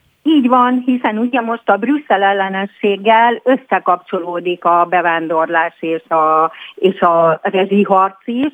Tehát ez a korábbi egy-egy kampányfegyver, ami a 14-es választásoknál a csodafegyver a rezsicsökkentés volt, 18-ban ugye nagyon hangsúlyosan jelent meg a migráció, és most a Brüsszel ellenességgel mindez összekapcsolódik. Igen, a migráció is lehet, hogy Nyugat-Európában ezt jónak tartják, és az uniós biztosok is jónak tartják a migrációt, mi nem tartjuk jónak, és ami az előző napokban téma volt, a határkerítésre, ami több mint 500 milliárdba került a magyar államnak, kérik a pénzeket és a forrásokat, mert itt nem csak a magyar határokat védjük, hanem a Schengeni határt és így egész Európát is. Igen, ezek ezek az üzenetek elhangzottak. Ildikó, nagyon szépen köszönjük neked. Jövő pénteken szerintem újra kapcsolunk. Viszont hallásra, szép napot! Szép napot! Spirit FM 92.9 A nagyváros hangja Átgondolja a kormány a kötelező oltás visszavonását a pedagógusok kérésére jövő hét közepéig állítja a PDS. Az MB viszont cáfol, szerintük a kormány részéről nem tettek ígéretet az állami intézményekben előírt koronavírus elleni oltásról a rendelkezés visszavonására a PS-nek és a PDS-nek.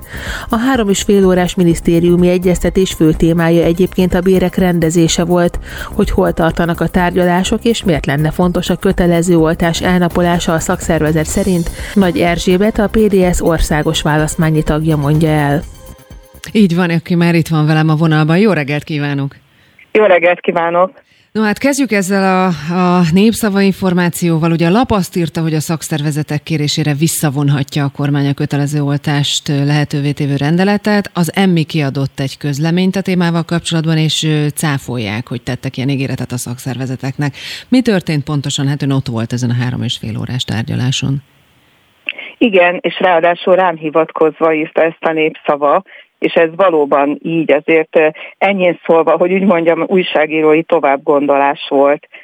Azt mondta az újságíró, hogy ő az élőzésünk, tehát a bejelentkezésünk alapján írta ezt a szöveget, már pedig mi az élő bejelentkezésben nem mondtuk azt, hogy befogadták volna olyan értelemben a javaslatunkat, hogy átgondolják, és majd visszajönnek egy másik javaslattal, vagy új javaslattal, ahogy ez a népszava cikkében szerepelt. Tehát Sajnos ilyet nem mondotta. Nem ez így nem hangzott el, így van, és a mi élő bejelentkezésünkben sem ez hangzott el de azért az mégiscsak érdekes, hogy, hogy olyat tudtak megint leírni, Persze nyilván folyamatosan hazugozással vádolnak bennünket, már az előző alkalommal is ez ment, hogy a PDS és a velük szorosan összefonódó média ismét hamis információkat közöl, szóval azért velünk nincs szorosan összefonódó média. Itt egyszerűen arról volt szó, hogy az újságíró úgy értelmezte, ahogy ezt egyébként egy normális országban értelmezni lehet szerintem, hogyha befogadnak egy szájkövetelést, és arra az a válasz, hogy át fogják gondolni, hiszen ez egy új követelés volt, tehát nem várhattuk el azt tőlük, hogy rögtön reagálnak erre a felvetésre, hanem a következő alkalomra hoznak választ ezt, ezt úgy, hát hogy mondjam, szóval emiatt, emiatt kiakadni, és emiatt ilyen jellegű közleményt kiadni, ez azért eléggé furcsa, mert Na azért, de hát azért csak hiszem, kellemetlen, hogy bocsánat, hogy közbevágtam, de azért kellemetlen Igen. helyzetbe kerültek, gondol, gondolom én. Tehát, Bennünket hogy... nagyon kellemetlen helyzetbe hozott a népszava, így van, mert a teljes magyar sajtó átvette ezt, holott mindenki láthatta, és pontosan tudhatta, hogy az élőzésben mi hangzott uh-huh. el, és hát ez a továbbgondolás ebben nem hangzott el, no de azért azt kifogásolni, hogy a kormányoldal átgondol valamiféle beadványt, és aztán arra majd a jövő héten reagálni fog. Ezt valóban azért enyhén tovább gondolva mondta el a riporter, de azért ez elhangzott, hogy ők ezt befogadják, és a mhm. jövő héten erre választ adnak. Ez világos, egy Ebben a válaszban ezzel kapcsolatban. Benne is. lehet igazából implicite az is, hogy nyilván tesznek majd egy új javaslatot, de mi ezt, hogy új javaslatot fognak tenni, ezt azért nem jelentettük ki. Tehát ez kétségtelenül úgy volt, sajnos, hogy a kormányoldal még azt is megkérdőjelezte, hogy egyáltalán mi a két rendelet egészével foglalkozhatunk-e, mert hogy mi csak a közoktatás területén működő szakszervezetek vagyunk, és erről hosszas vita folyt. Aztán a végén azt kérte tőlünk a helyettes államtitkár úr, hogy mi erről kifelé ne beszéljünk, mert ők azért mégiscsak befogadják ezt a sztájkövetelést. Mi ennek eleget is tettünk, majd pedig a közleményükben ugyanezt leírták, amiről elő, előzetesen azt kérték tőlünk, hogy ne is beszéljünk róla. Szóval mi azt hiszem, hogy korrekt módon jártunk el, és aztán megint egy olyan pofont kaptunk tőlük, ami azért nagyon nem volt méltányos, főképpen, hogy egyébként a saját oldalunkon közzé is tettük hogy mi történt ezen az egyeztetésen. No, most már ezt a félreinformálást hagyjuk is, hogy nehogy kifussunk az időből. Igen. A tartalmi dolog, nem tudom, hogy hallotta vagy hallgatta, amit Orbán Viktor miniszterelnök most reggel a rádióban mondott, mi az előbb kapcsoltuk Csuha Ildikó kolléganőmet, aki elmondta, hogy azt mondta a miniszterelnök, hogy oltás, oltás, oltás, és előbb-utóbb minden állami alkalmazottnak kötelező lesz, tehát tulajdonképpen ezt egy picit az előző bejelentésekhez képest tovább erősítette. Mit szól ehhez, mert akkor tulajdonképpen lehet, hogy megkapta megkapták a választ, amit jövő szerdán vártak volna? Magyarán azt, hogy pusztán az oltásban látják a megoldást.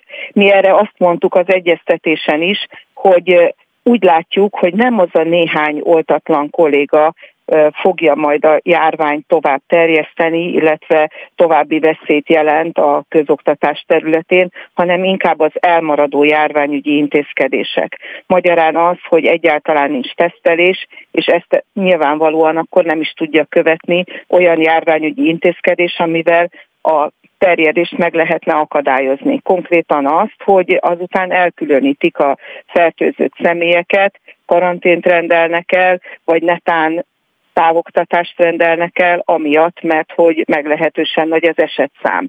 Jelen pillanatban nem lehet tudni, hogy hányan vannak fertőzöttek, hiszen nem történik rendszeres tesztelés, és hogyha valaki megbetegszik, akkor rendszerint azokat sem tesztelik, hanem csak egyszerűen táppénzen maradnak, vagy a gyerekek otthon maradnak, és minden folyik tovább. Ugye Még a, napi a adatokat, sincs előírva. A napi adatokat látjuk, hogyha már említette az online oktatást és a maszkviselést, akkor mind a kettőről kérdezni megy egy mondatban. Az online oktatásra áttérne a szakszervezet, illetve milyen esetben, milyen fertőzés szám mellett? Tegnap tényleg már brutálisak voltak a számok, és sajnos a kórházban kezeltek is meredeken nő egész biztosan át kell térni, még attól függetlenül is, hogy nekünk erről milyen teóriánk volna, mert hogy egyre több helyen annyi a megbetegedés, hogy már be kellett zárni iskolákat, illetve vannak ilyen nagyon érdekes esetek, hogy másra hivatkozva, technikai okokra hivatkozva, például Budapesten is bezártak két iskolát, tehát kompletten nem járnak iskolába már gyerekek. De most a héten nagyon sok az őszi szünet után? Én tegnap kaptam, tegnap kaptam konkrétan ezt az információt,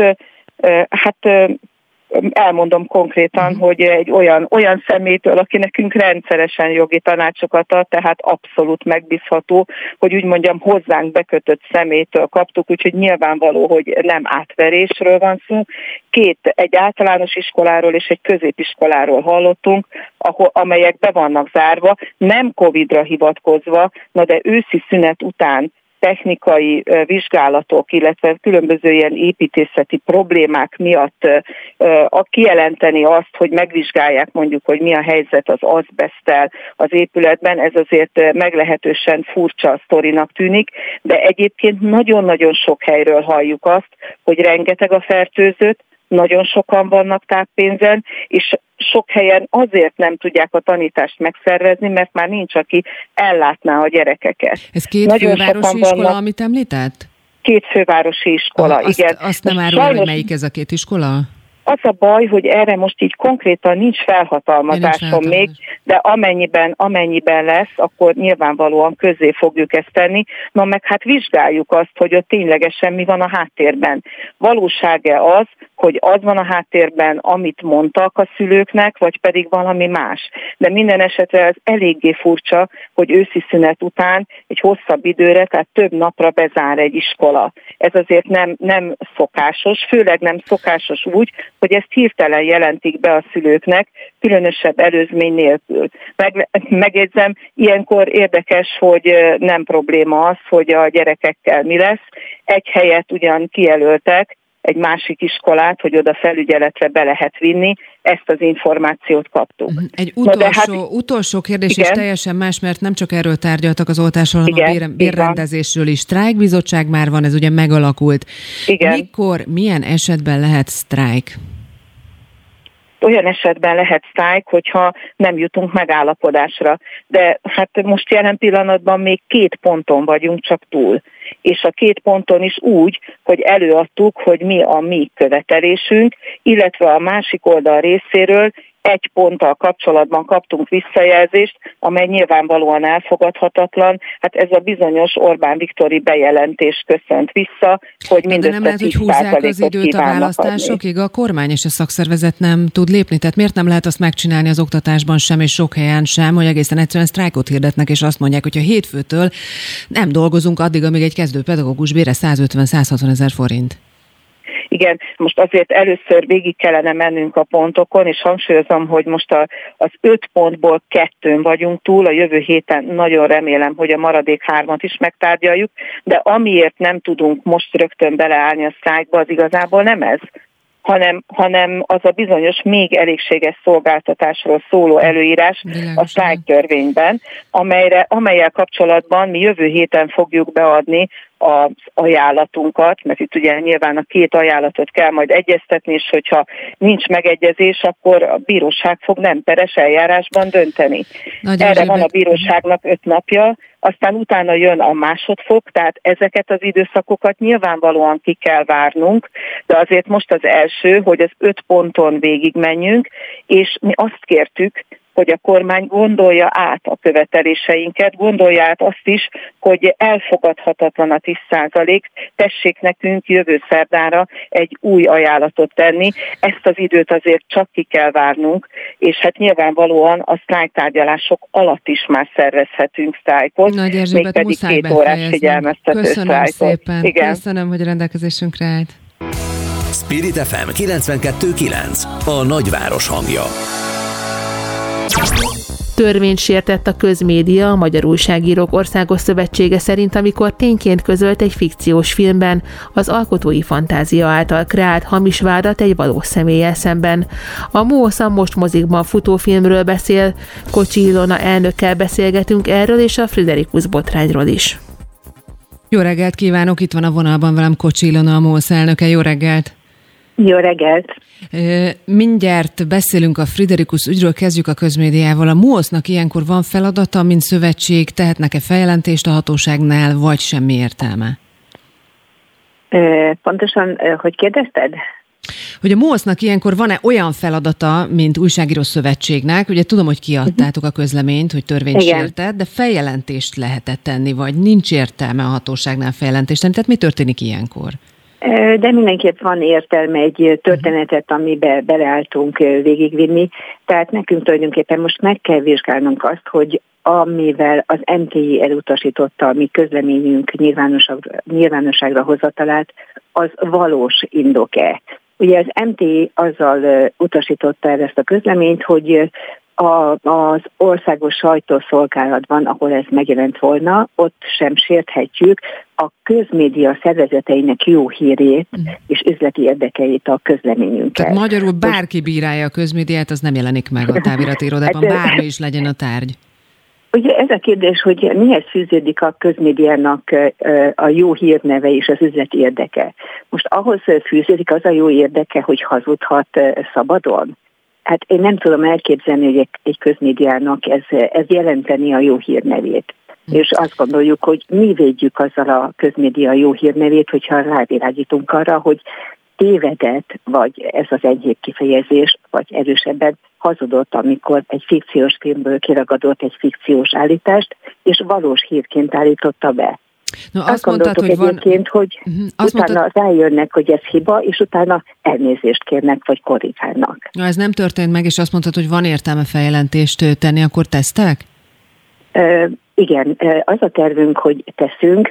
Egyelőre a jogászunk ezt vizsgálja, hogy van-e esélyünk, ugyanis alaposan megvizsgálva azt a szabályzatot, amit az MT-vel mi pontosabban a szolgáltató céggel aláírtunk, ellentmondásos szabályok vannak. Egyrészt ugye szabadon feltehetünk közérdekű közleményeket, és mi felelünk a közlemény tartalmáért. Másrészt egy későbbi pontban az is benne van, hogy az MD megtagadhatja, hogyha ezt mhm. eltávolítja, vagy nem közli, és semmilyen felelősséggel ezért nem tartozik azt gondoljuk, hogy ez így nincs rendben, tehát érdemes adott esetben bírósághoz fordulni, hogy ezt a szabályozást és helyre tegyék, mert ezért van az országos sajtószolgálat, hogy ott mi szabadon nyilvánosságra hozzuk a közérdekű közleményeket. A másik ügy Friderikus Sándor ugye elmarasztalta a MOSZ etikai bizottsága, ugye azt írtátok, etikai vétséget követett el az úgynevezett Csenterics ügyben.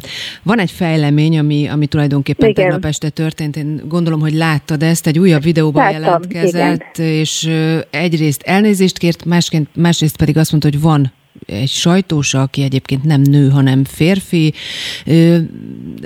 Mit szólsz ez az egészhez? A legismertebb hát, magyar újságíróról van szó. Igen, igen. Én azt gondolom, hogy Friderikus Sándor tényleg elkövetett egy hibát, adott esetben itt egy etikai hibát követett el, de miután ő elnézést kért, tehát ezen azt gondolom, hogy ezzel a téma számunkra lezáródott ugyanis tényleg kiadtak egy közleményt, kiadtak egy, hát nem közleményt, mert nem közleményt, hanem egy kérést, amiben támogatásra hívták fel a hallgatóikat, és egy már, már ugye korábban tavaly meghalt személy nevét írták alá, tehát hogyha nem más személy nevét írták volna alá, az se lett volna helyes, tehát elkövettek egy hibát.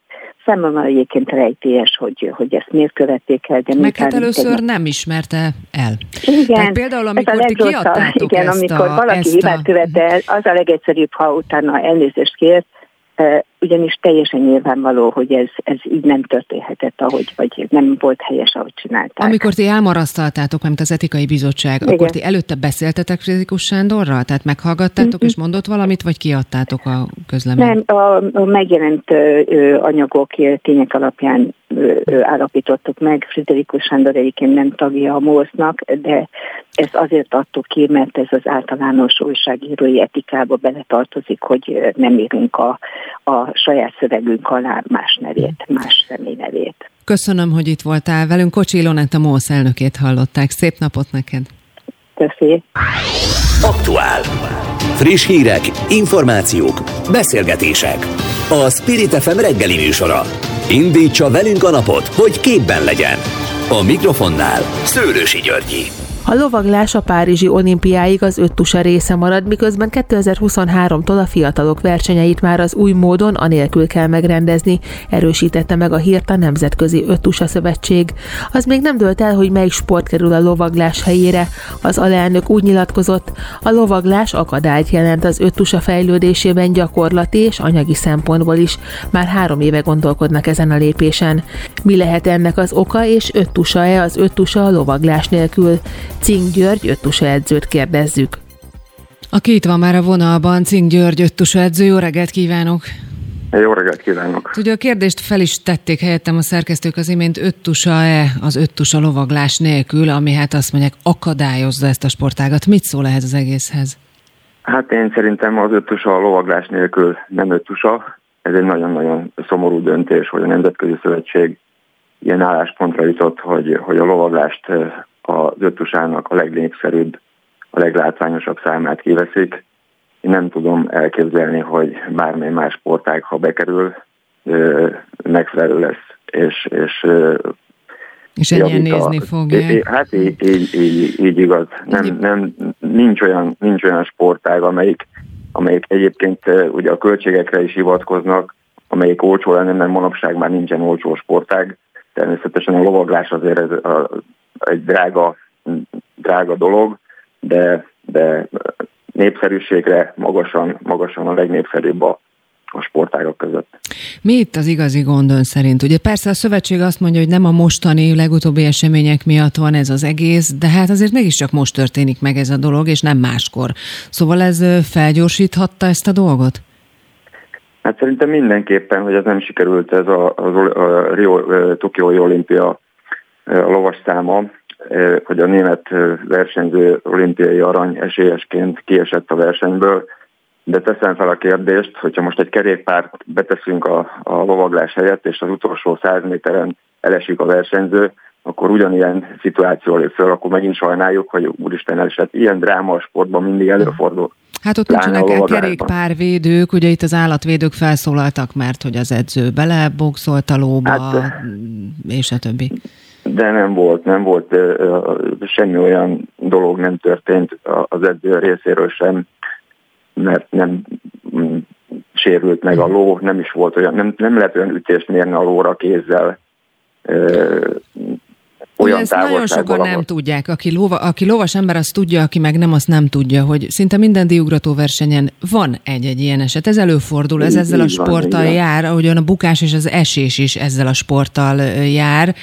Nem lett volna jobb szabályt változtatni, mint kivonni a lovaglást? Nem lehetett volna mondjuk hát a, azokon azon gondolkoztak, igen, azon gondolkoztak, hogy hogy lehet szabályt módosítani, egy kicsit könnyíteni, könnyíteni a pályán, mert az volt az egyik fő probléma, hogy, hogy a 120 cm-es magasságon voltak az akadályok, és erre, nem mindegyik ló alkalmas bárkivel teljesíteni a pályát. Vannak együttműködő lovak, vannak kevésbé együttműködő lovak. Most itt bekerült a kalapba egy pár olyan ló, ami, ami ilyen egy gazdás ló, uh-huh. amelyik, amelyik nem, nem tud együttműködni bárkivel. Most ez hiba volt. De egyébként az egész, most nem is csak erre, e, a mostani olimpián, hanem általában mi a gond inkább az öttusában a lovaglásra. A lovak képzettek nyilván, csak a versenyzők nem hogy nem, nem lovas emberek. Tehát ha mostani olimpián arra a lóra egy diugrató lovasul, akkor ez nem történik meg? Bármi megtörténhet, feltételezem, hogy, hogy, hogy, hogy egy, egy professzionális lovassal ez nem történik meg, mert az öttusa azért öttusa már évtizedek óta, sőt, hát több mint száz éve az olimpia programjában. Ez mindig is benne volt a, az öttusa versenyben, hogy a lovagláson valami történhet. De ettől pont ez volt a, a sportágnak a szépsége. Valamennyire kiszámíthatatlan volt, az utolsó pillanatig izgalmas volt, mert nem lehetett tudni, hogy még a lovagláson mi történik, ki milyen lovat sorsol, mert két egyforma ló nincsen. A magyar öttusának lehet azt mondani, hogy ez egy nagyon-nagyon rossz hír. A magyar öttusázók híresen jó lovasok voltak, itthon külön van öttusa lóistáló képzett lovakkal, tehát kifejezetten öttusa lovak, erre van a képezve. Máshol ez nem így van? Hát a, a, nagyon sok országban hosszú ideig volt öttusa istáló, mert az egy népszerű sportág főleg a keleti blogban.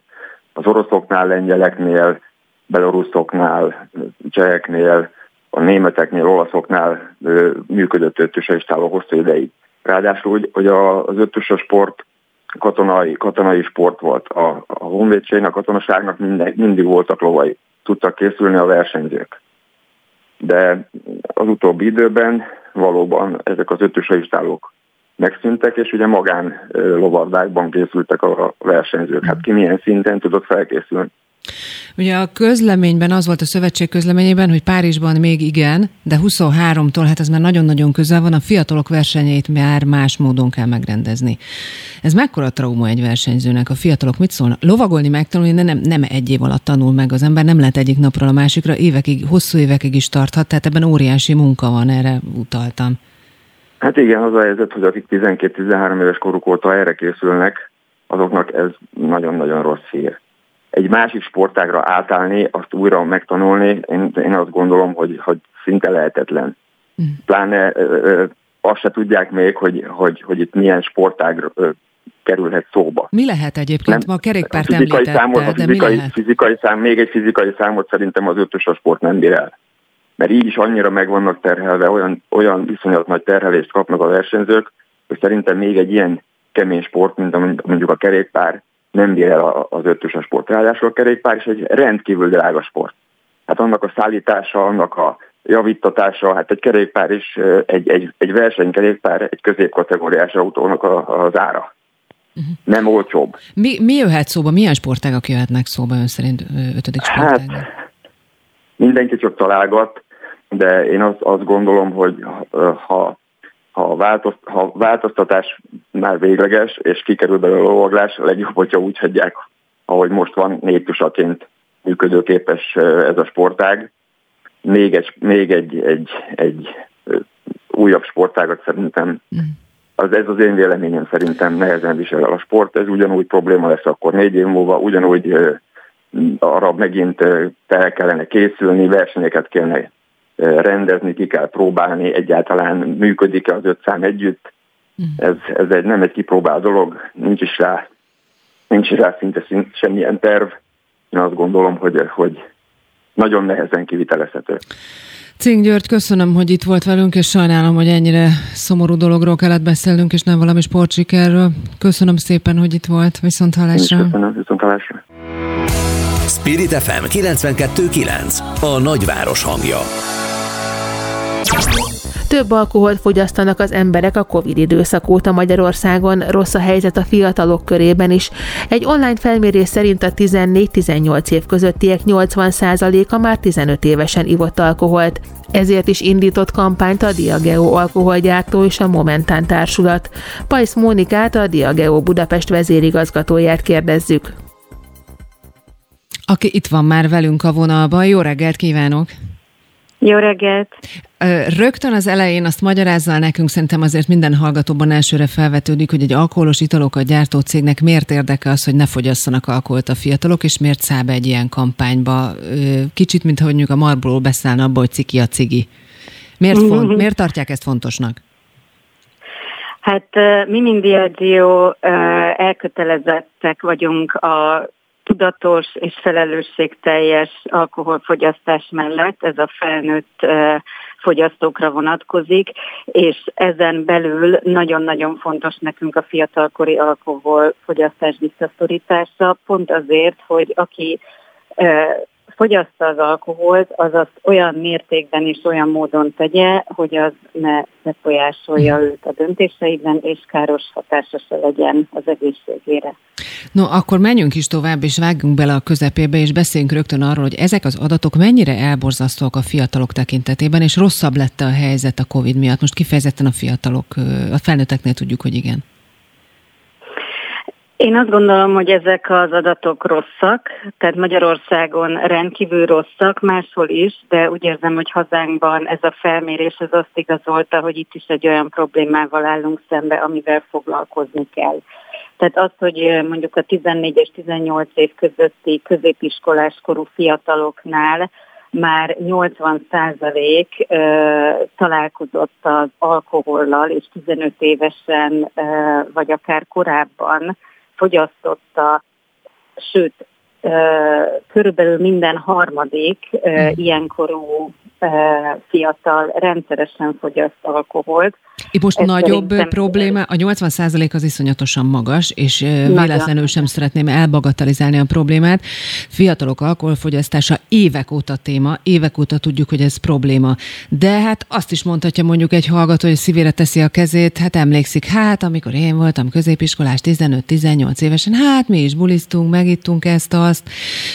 Ez nem ment fel senkit, csak azért kérdezem egy picit, vagy azért provokálnám ezzel, hogy ez most nagyobb gond, mint mondjuk 20 év évvel ezelőtt?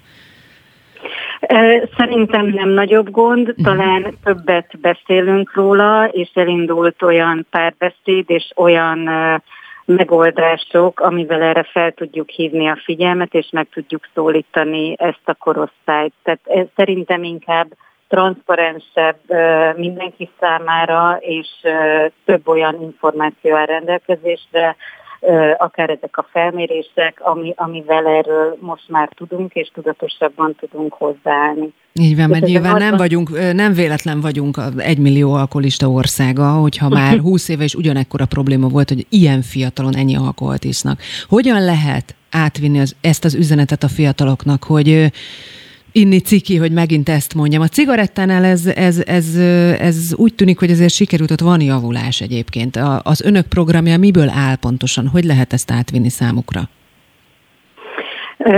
Ez a program, amit elindítottunk, egyébként ennek az elődje egy 2019-ben indított programunk, ami Smashed néven ezt magyarul talán úgy fordítanám, hogy szétcsúszva, ami, tehát ez a név is már a fiatalok által használt szavakra koncentrál azért, hogy, hogy értsék, hogy miről szól ez a program, és, és esetleg ezért is akarjanak kicsit elmélyedni a témában, ez, ezen a programon részt venni. Tehát ez a korábbi 2019-es verzió, ez egy interaktív, um, személyes, egy ilyen színházi előadás keretében eljátszott program volt, amit követett egy beszélgetés a résztvevőkkel.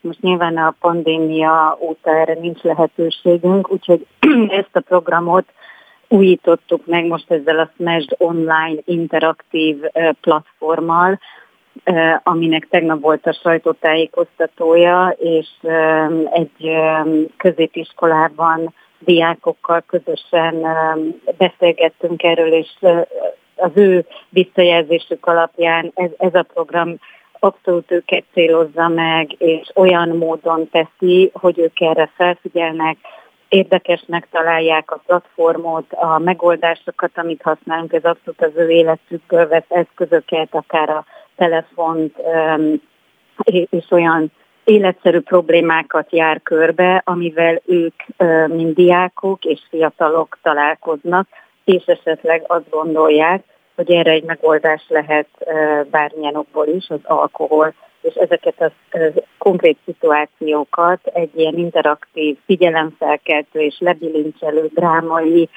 vonalvezetésen keresztül mutatja be nekik. Uh-huh. A fiatalokról beszéltünk, szerintem a szülőkről is kellene még így a végén röviden. Tehát a szülőnek egyébként nyilván mintát kellene mutatnia, és nem abban, hogy milyen sokat iszik. Mert azért Magyarországon abszolút a férfi szerepben ez benne van, erősíti számtalan dolog. Férfi akkor férfi, ha iszik valamit, meg a pálinka forradalma, főzzünk otthon ingyen pálinkát, szabadságharc, ezért ezek nyilván nem segítettek ebben. Arra akarok utalni, hogy olyan szinten a kultúránk része az alkohol, hogy borzalmasan nehéz lehet ez ellen tenni. A szülőknek segítenek ebben? Van-e esetleg a programnak ilyen része?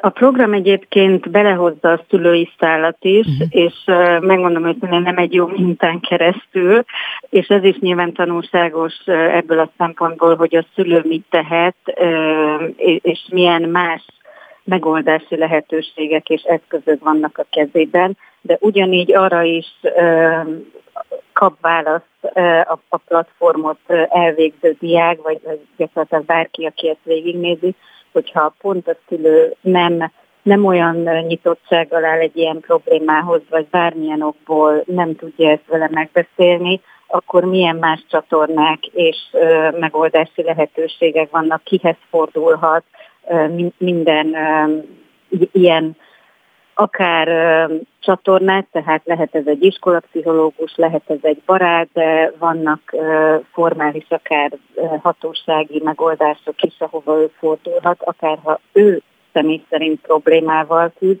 vagy a környezetében lát valakit, akinek segítségre van szüksége. Utolsó dolog, azt olvasom, hogy lehet pályázni különféle alkotásokkal is, ha én ezt jól látom. Mivel lehet nevezni a versenyre? Mert ez egy verseny. Igen, igen. Most várjuk a pályaműveket, egyébként november 8 és 26 között nyílik meg a lehetőség a pályázóknak.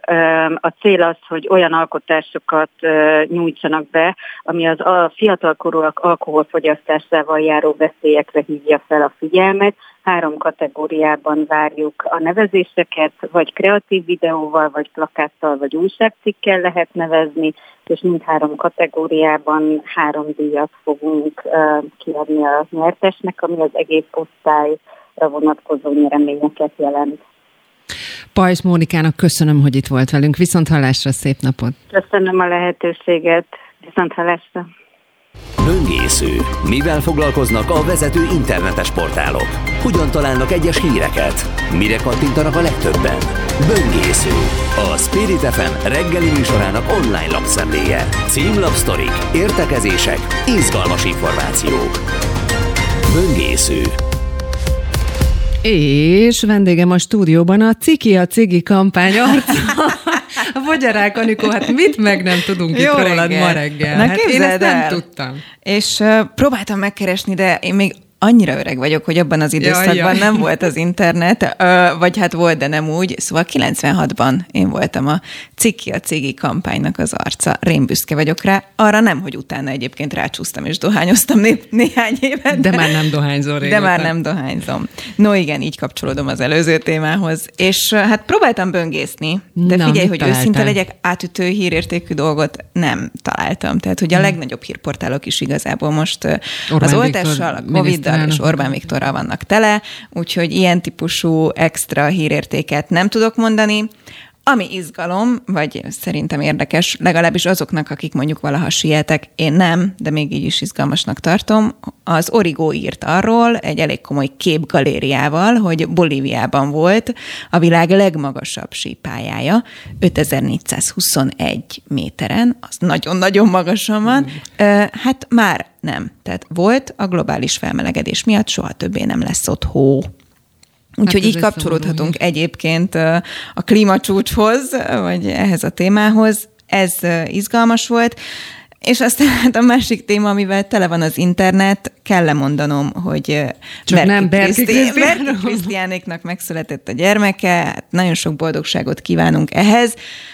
De hát ugye az az izgalmas ebben, hogyha valaki nem tudná véletlenül, vagy nem követte volna éjszaka, hogy óriási vihart kavart a celeb világban, meg a jó érzésű emberek körében is szerintem, hogy ugye ők élőben közvetítették mindezt, és aki fizetett ezért, ha jól tudom, 1500 forintot, az élőben nézhette végig az eseményeket, ami azért... Most hát, látom, hogy itt le is állt a rendszer, tehát lehet, hogy nagyon sokan akarták ezt. Hát állítólag tízezren követték ezt az élő bejelentkezést. Engem, hát kiráz a hideg ettől a szituációtól, és eszembe jutott pont reggel, mondtam Tónai Bogi segédszerkesztőnek azt a hírt, nem tudom, te hallottál-e róla, hogy néhány évvel ezelőtt volt egy olyan pervers banda, akik azt találták ki, már nem emlékszem sajnos, hogy melyik országban, nem itthon, hogy te karácsonyra rendelhetsz a fa alá vajudó szűzmáriát. Tehát az, az bír hasonló lenni. Atya úristen.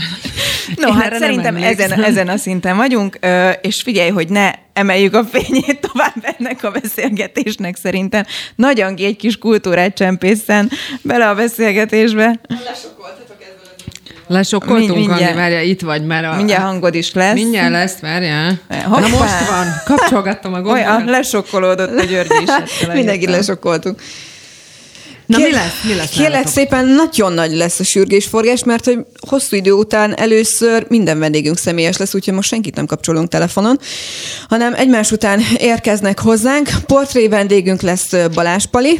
Ettől ö, előtte viszont beszélgetünk a gastrokócsról, egyáltalán, hogy mivel foglalkozik egy gastrokócs, és most, amikor jön a tél és a raktározás, akkor érzelem meg kell, ez hogyan vezérelt az, hogy mit mit raktározunk el élelmek tekintetében, vagy élelmiszer tekintetében. Mit várja, egy igen, de nem. azt akartam, hogy, hogy Mit, hogy miben, én tudom, hogy én szkeptikus vagyok, tényleg? és sokan mondjuk a pszichológusokkal is így voltak annó, tehát hogy biztos egy nagyon trendi dolog coachnak lenni, de tehát, hogy jó, mit csinál egy gasztrokócs? Kérlek szépen, az étkezés, táplálkozás érzelmi oldalát vizsgálja. Hivatalos megfogalmazás szerint. Aha, hát azért már kérdezi már szerintem erre, hogy, hogy ez azt jelenti, hogy én mondjuk, ha csokit teszem, akkor depressziós vagyok, hogy jó kedvem legyen? Vagy azt jelenti, hogy azért ő majd akarok... megmondja nekem, hogy mit tegyek? Nem akarja ah, lelőni a poén. Azért nem akarok, igen, nem akarom még, nem akarok belemenni. Jó, de ez akkor hogy... nem a betegség Nem, nem, nem, nem, nem, nem, nem, nem, hanem abszolút nem, van egy abszolút csomó. nem. Abszolút nem. Aztán mes- beszélünk mesekönyvekről, amik például a Dunkort dolgozzák fel, testvérféltékenységet és hasonló témákat. Majd pedig színházak, színházzal is foglalkozunk több témában is, illetve egy valóra vált álommal, mert hogy Giovanni elkészítette Charlie-val egy közös számát, ami neki egy nagyon nagy álma volt. Úgyhogy itt most valóra váltunk ma álmot is. Uh-huh. Na azért a színházról még mesélj egy kicsit, úgy három percig. Színházról kérlek szépen. Egy... időnk, úgyhogy nyugodtan Mo- még mondhatod, hogy mi, mi lesz az adásban nálatok. Monodráma, méghozzá Göttinger Pál színművész segítségével beszélgetünk egy monodrámáról, ami a, a műveltség és az egyén, illetve a, a saját magával vívott harcáról szól. Túl van már néhány, illetve túl van már a próbaidőszakon, és ezzel kapcsolatban megyünk bele, hogy eleve a hatalmat, az egyént hogyan lehet uh-huh. színpadra ja, de akkor kivinni. még nem volt ennek? Ö, nem. Uh-huh. Nem. Úgyhogy így vagyunk. Ja, ilyen, és ilyen azt mondtad, színházak lesz még más is? Színházak, mert hogy lesz még olyan is, hogy november 14-én a Várkertben lesz egy izgalmas előadás, ahol a tánc és a szöveg is keveredik, keveredik a flamenco, a néptánc, a modern tánc együtt, úgyhogy ezek is különféle stílusok keveredése, és hát ugye ehhez jön hozzá maga a szöveg, a változatlanság hullámhossza, ez lesz a címe, ebben pedig Bajnai Beáta, a produkciós vezető lesz a segítség. Balázs Politól szerintem azért majd kérdezed meg, mert lesz idő rá, hiszen portré vendégként jön, hogy azért, hogyha szerintem a mai napig, hogyha beütöd a Google-ba, vagy csak visszaemlékszel, hogy Balázs Pali, akkor azért az ikonikus frizura megvan. Hiába volt egy hihetetlen komoly átváltozása mondjuk néhány évvel Már ezelőtt. nincs olyan. De olyan beütötted? Most nincs olyan, azt ja. hittem, hogy beütötted, mert ha beütöd Google-ba, ahogy én szoktam mondani, akkor azok a képek jönnek még ki, és ő szerintem, tehát hogy ett ettől volt önazonos, vagy nem tudom, hogy, hogy mindenki tudta, hogy Balázs Pali így néz ki, és azok a fürtök, azok a fürtök, hogy hogy érzi magát egyébként? Magára találta már ebben az új ö, Na, ugye tessék, itt közben mutatja az Angi. Jó, tehát, hát szerintem, hogyha az teljes átváltozáson ment Mindenkinek át. ez jut eszébe egyébként, hogyha, tehát ez a kép él a fejébe. Hát jó, csak mondjuk, hogyha elmegy koncertezni, akkor te nem egy ilyen formát várnál, és akkor hiába most már évek óta volt, hogy ő levágatta a haját, ugye, és Beszélünk igazi férfiassá vált, de hát na, erről is beszélünk. Na jó van, hát köszönöm kérlek. nektek, hogy itt voltatok. Nagy Angélát hallották, aki mindjárt jön utánunk a bistróval, és itt volt Vogyarák Anikó is, és nekem sincsen más dolgom, mint hogy megköszönjem önöknek az egész reggeli figyelmet, mert hogy ez volt már az aktuál. Vogyarák Anikó volt a szerkesztő, Tolnai Boglárka a segédszerkesztő, és Kammer Jonatán a technikus az ő nevükben is köszönöm a figyelmüket. Hétfőn lesz legközelebb aktuál, Lampi Ágnes várja majd önöket 7 órától, én pedig kellemes hétvégét kívánok, maradjanak, mert jön a bistró.